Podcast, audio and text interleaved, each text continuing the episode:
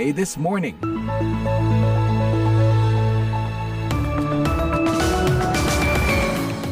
Halo pendengar, selamat pagi dari ibu kota Amerika di Washington DC. Senang sekali saya Puspita Sariwati dapat menjumpai Anda lagi pagi ini.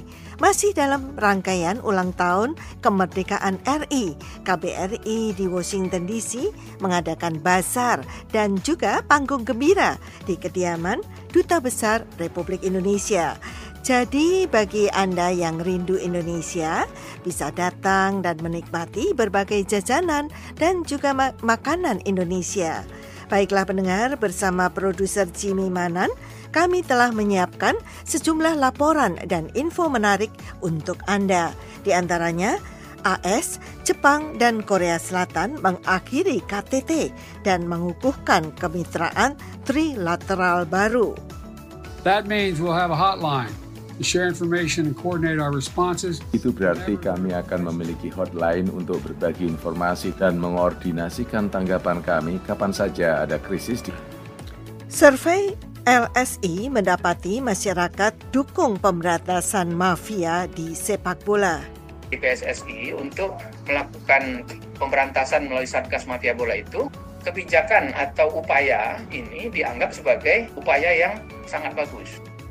Selain itu, berbagai info menarik akan kami sajikan, di antaranya kehadiran lomba-lomba sebagai objek wisata di Bali menuai perdebatan mengenai pelestariannya.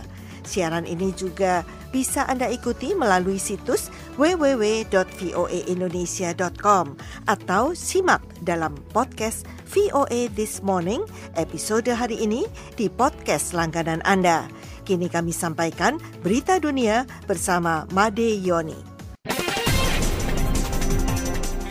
Terima kasih Puspita dan selamat pagi. Pendengar, Perdana Menteri Belanda Mark Rutte kepada Presiden Ukraina Volodymyr Zelensky minggu mengatakan bahwa Belanda dan Denmark akan memberi Ukraina pesawat tempur F-16. Uh, and of course, we are looking into whether we can supply all the remaining planes or that still stuff has to be done to update them. Rute yang bertemu dengan Zelensky di pangkalan udara Belanda mengatakan pesawat-pesawat itu akan dikirim setelah kondisi yang tidak diumumkan terpenuhi. Pengumuman itu disampaikan beberapa menit setelah Rute dan Zelensky memeriksa dua jet F-16 berwarna abu-abu yang diparkir di sebuah hanggar di pangkalan. Tawaran itu disampaikan dua hari setelah Belanda dan Denmark mengatakan Amerika telah memberi izin negara-negara tersebut mengirimkan F-16 buatan Amerika ke Ukraina.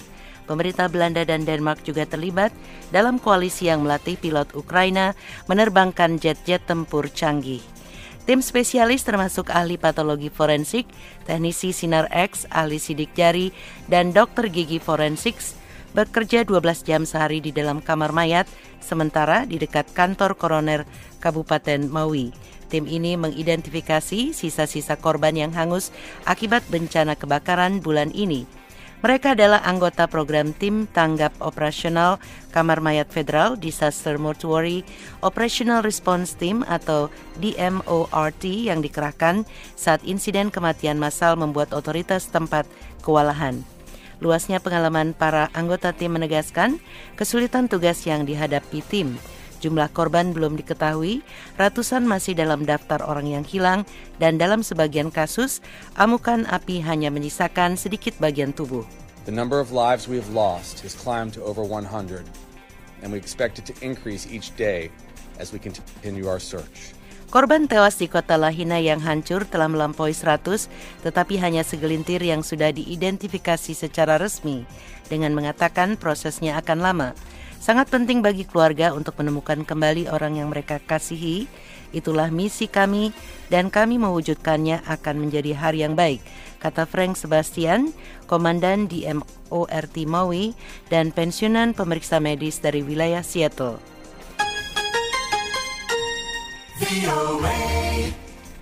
Spanyol memenangkan gelar Piala Dunia Perempuan pertamanya minggu hampir setahun setelah pemberontakan seorang pemain dengan mengalahkan Inggris 1-0 setelah gol babak pertama oleh Olga Carmona. Kemenangan tersebut menjadikan La Roja sebagai tim pertama yang memegang gelar juara dunia untuk kelompok usia di bawah 17, di bawah 20 dan senior secara bersamaan. Spanyol adalah pemenang kelima pada 9 edisi Piala Dunia Perempuan dan bersama Jerman menjadi dua negara yang memenangkan turnamen laki-laki dan perempuan. Pada peluit akhir, para pemain Spanyol saling menumpuk di depan gawangnya dan masih menari di lapangan sampai penyerahan piala. Well.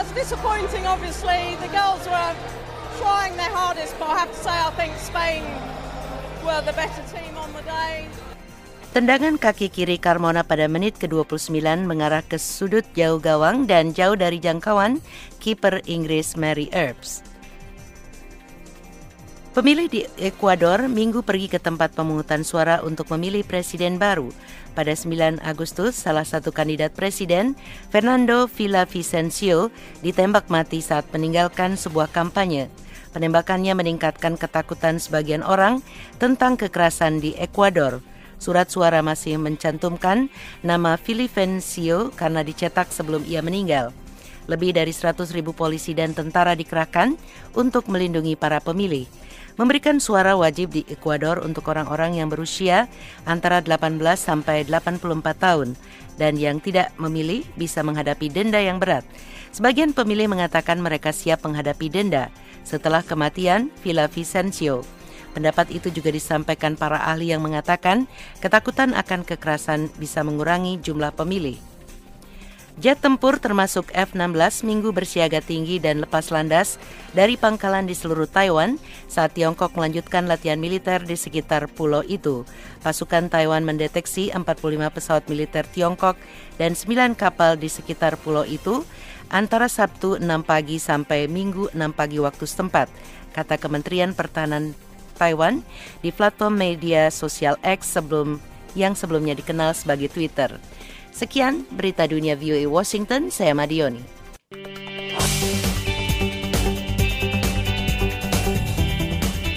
Pendengar para pemimpin AS, Jepang dan Korea Selatan mengakhiri KTT mereka hari Jumat di Camp David dan mengukuhkan sebuah kemitraan trilateral baru. Mereka berjanji akan menyajikan sebuah tanggapan trilateral yang kompak kalau terjadi krisis di kawasan. Berbeda dari KTT masa lalu, para pemimpin secara eksplisit menekankan perilaku berbahaya dan agresif Beijing di Laut Cina Selatan. KTT pada Jumat itu diprakarsai oleh Presiden Biden dan yang bertindak sebagai tuan rumah di peristirahatan kepresidenan Camp David, serta menghasilkan serangkaian janji pertahanan oleh Washington, Tokyo, dan Seoul, termasuk komitmen untuk saling berkonsultasi ketika berlangsung krisis di kawasan. That means we'll have a hotline to share information and coordinate our responses. Itu berarti kami akan memiliki hotline untuk berbagi informasi dan mengordinasikan tanggapan kami kapan saja ada krisis di kawasan atau krisis yang berdampak pada salah satu negara kami. Mereka memberi penekanan pada klaim kekuatan tidak sah di Laut Cina Selatan oleh Beijing. Beijing menyatakan berdaulat atas seluruh perairan itu. Perdana Menteri Jepang Kishida mengatakan lewat seorang penerjemah, unilateral attempts to change the status quo by force in the East and South China Seas. Usaha unilateral untuk mengubah status quo lewat kekuatan di Laut Cina Timur dan Selatan terus berlangsung dan juga ancaman nuklir dan rudal Korea Utara semakin besar. Biro Intelijen Korea Selatan mengatakan Pyongyang mempersiapkan uji rudal balistik antar benua sebagai protes terhadap KTT itu. KTT Camp David ini digambarkan oleh Beijing dan Pyongyang sebagai taruhan Washington yang hendak menciptakan sebuah NATO mini di Asia. KTT Camp David ini merupakan prestasi bersejarah dalam hubungan antara Korea Selatan dan Jepang, bekas penjajah Korea. Kinerja ini terselenggara berkat diplomasi selama berbulan-bulan dan usaha melupakan sejarah buruk dan sikap saling tidak percaya di antara kedua negara itu demi menghadapi ancaman keamanan bersama.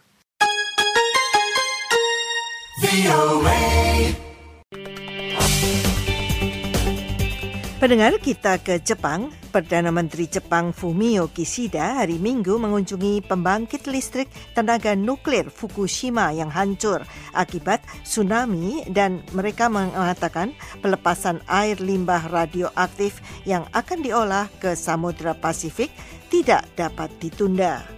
Perdana Menteri Jepang Fumio Kishida mengatakan langkah pelepasan air limbah radioaktif yang akan diolah ke Samudra Pasifik itu aman, tetapi pemerintahnya akan melakukan segalanya untuk mendukung komunitas nelayan dari dampak berpotensi akibat desas-desus yang merusak selama puluhan tahun berlangsungnya proyek itu. Kishida melakukan perjalanan itu beberapa jam setelah kembali dari pertemuan puncak dengan Presiden Amerika dan Presiden Korea Selatan di tempat peristirahatan Presiden Amerika di Camp David. Kishida pada hari Minggu meninjau langsung fasilitas penyaringan dan pengenceran air limbah dan bertemu dengan para eksekutif pabrik dan perusahaan. Dia mengatakan kepada wartawan bahwa dia sudah mendapat konfirmasi berupa komitmen mereka untuk melakukan pelepasan air secara aman. Hari ini saya melihat fasilitasnya, mendengar langsung dari penanggung jawab yang terjun di lapangan dan mendapat konfirmasi tekad manajemen puncak TEPCO. Kami menerima laporan langsung tentang upaya yang dilakukan untuk memastikan keamanan air yang diolah oleh perusahaan listrik Alps yang akan dibuang ke laut. Sejak mengumumkan rencana pelepasan air limbah nuklir ke laut dua tahun lalu, pemerintah Jepang telah menghadapi tantangan keras dari organisasi perikanan Jepang yang khawatir tentang kerusakan lebih lanjut pada makanan hasil laut selagi mereka berjuang untuk pulih dari kecelakaan itu. Kelompok-kelompok di Korea Selatan dan Tiongkok juga telah menyuarakan keprihatinan dan mengubahnya menjadi masalah politik dan diplomatik.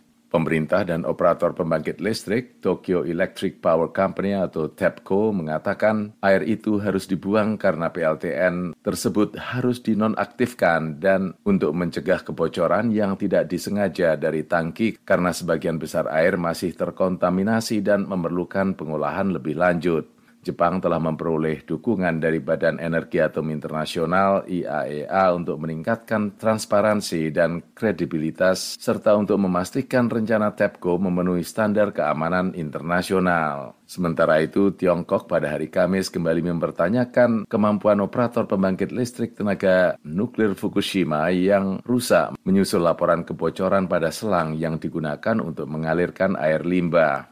Juru bicara Kementerian Luar Negeri Tiongkok, Wang Wenbin, mengatakan kemampuan perusahaan untuk membuang air dengan benar diragukan.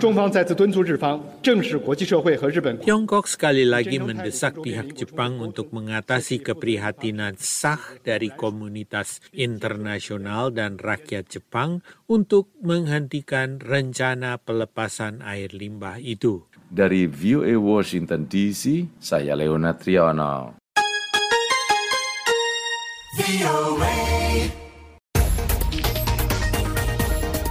Pendengar dari Indonesia, hasil kajian terbaru Lembaga Survei Indonesia mendapati masyarakat puas dengan kinerja Persatuan Sepak Bola Seluruh Indonesia atau PSSI, tetapi mayoritas mereka yang disurvei ingin agar PSSI segera membentuk Satgas Pemberantasan Mafia Sepak Bola. Mengapa demikian? Ada beberapa temuan menarik dari kajian kali ini terkait kinerja PSSI dalam penyelenggaraan Piala Dunia U17 dan lainnya. Tetapi yang paling signifikan adalah dukungan warga masyarakat kepada Persatuan Sepak Bola Seluruh Indonesia atau PSSI untuk segera membentuk Satgas Pemberantasan Mafia Sepak Bola. Direktur Lembaga Survei Indonesia atau LSI Jayadi Hanan menegaskan hasil survei ini yang menjadi sorotan tajam adalah permasalahan adanya mafia sepak bola nasional. Di PSSI untuk melakukan pemberantasan melalui Satgas Mafia Bola itu, kebijakan atau upaya ini dianggap sebagai upaya yang sangat bagus, yang didukung penuh oleh masyarakat. Yang masyarakat, masyarakat yang tahu bisa lihat di situ, 94,1 persen menyatakan setuju dengan upaya tersebut atau kebijakan tersebut kalau di tingkat PSSI. Ini saya kira uh, satu dorongan kepada PSSI untuk benar-benar meneruskan soal mafia uh, penyelesaian masalah mafia bola ini. Pembentukan Satgas yang diinisiasi oleh Kapolri Jenderal Listio Sigit Prabowo akhir Juni dan didukung oleh Ketua Umum PSSI Erick Thohir ini bertujuan untuk menciptakan iklim sepak bola Indonesia yang bersih. FIFA telah lama mendorong Indonesia melakukan transformasi dalam manajemen sepak bola antara lain untuk memberantas pengaturan skor pertandingan dan beberapa temuan kecurangan lainnya. Pengamat sepak bola Akmal Marhali mengatakan salah satu pelaku ekosistem sepak bola yang paling sulit ditindak adalah mafia sepak bola. Selama ini, upaya pidana pemberantasan mafia bola masih berdasarkan pada Undang-Undang Nomor 11 Tahun 1980. Perlu dikaji ulang. Termasuk dalam hal ini pemberantasan mafia bola. Kalau kita lihat hukum kita di sepak di olahraga, misalnya di sepak bola terkait dengan mafia bola, kita hanya punya Undang-Undang Nomor 11 Tahun 1980 terkait suap menyuap. Undang-undang ini dulu dikeluarkan dalam rangka kaitannya dengan bagaimana maraknya mafia bola, pengaturan skor di bola di era Galatama dan Perserikatan. Tapi dalam konteks hukum ini sangat lemah sekali gitu kan. Orang yang melakukan suap menyuap, melakukan pengaturan skor di dalamnya, itu hanya hukuman yang ringan ini perlu kemudian dikaji ulang. Temuan LSI yang menarik lainnya adalah soal penyelenggaraan Piala Dunia U17 Indonesia. Hasil survei yang dilakukan sejak 3 hingga 9 Agustus 2023 lalu ini dengan responden berjumlah 1220 menunjukkan 52 persen responden tidak tahu Indonesia akan menjadi tuan rumah ajang bergengsi dunia itu. Padahal kompetisi ini akan dimulai 10 November mendatang atau kurang dari tiga bulan. Dari Solo, Jawa Tengah, Yudha Satirawan melaporkan untuk VOA, Washington.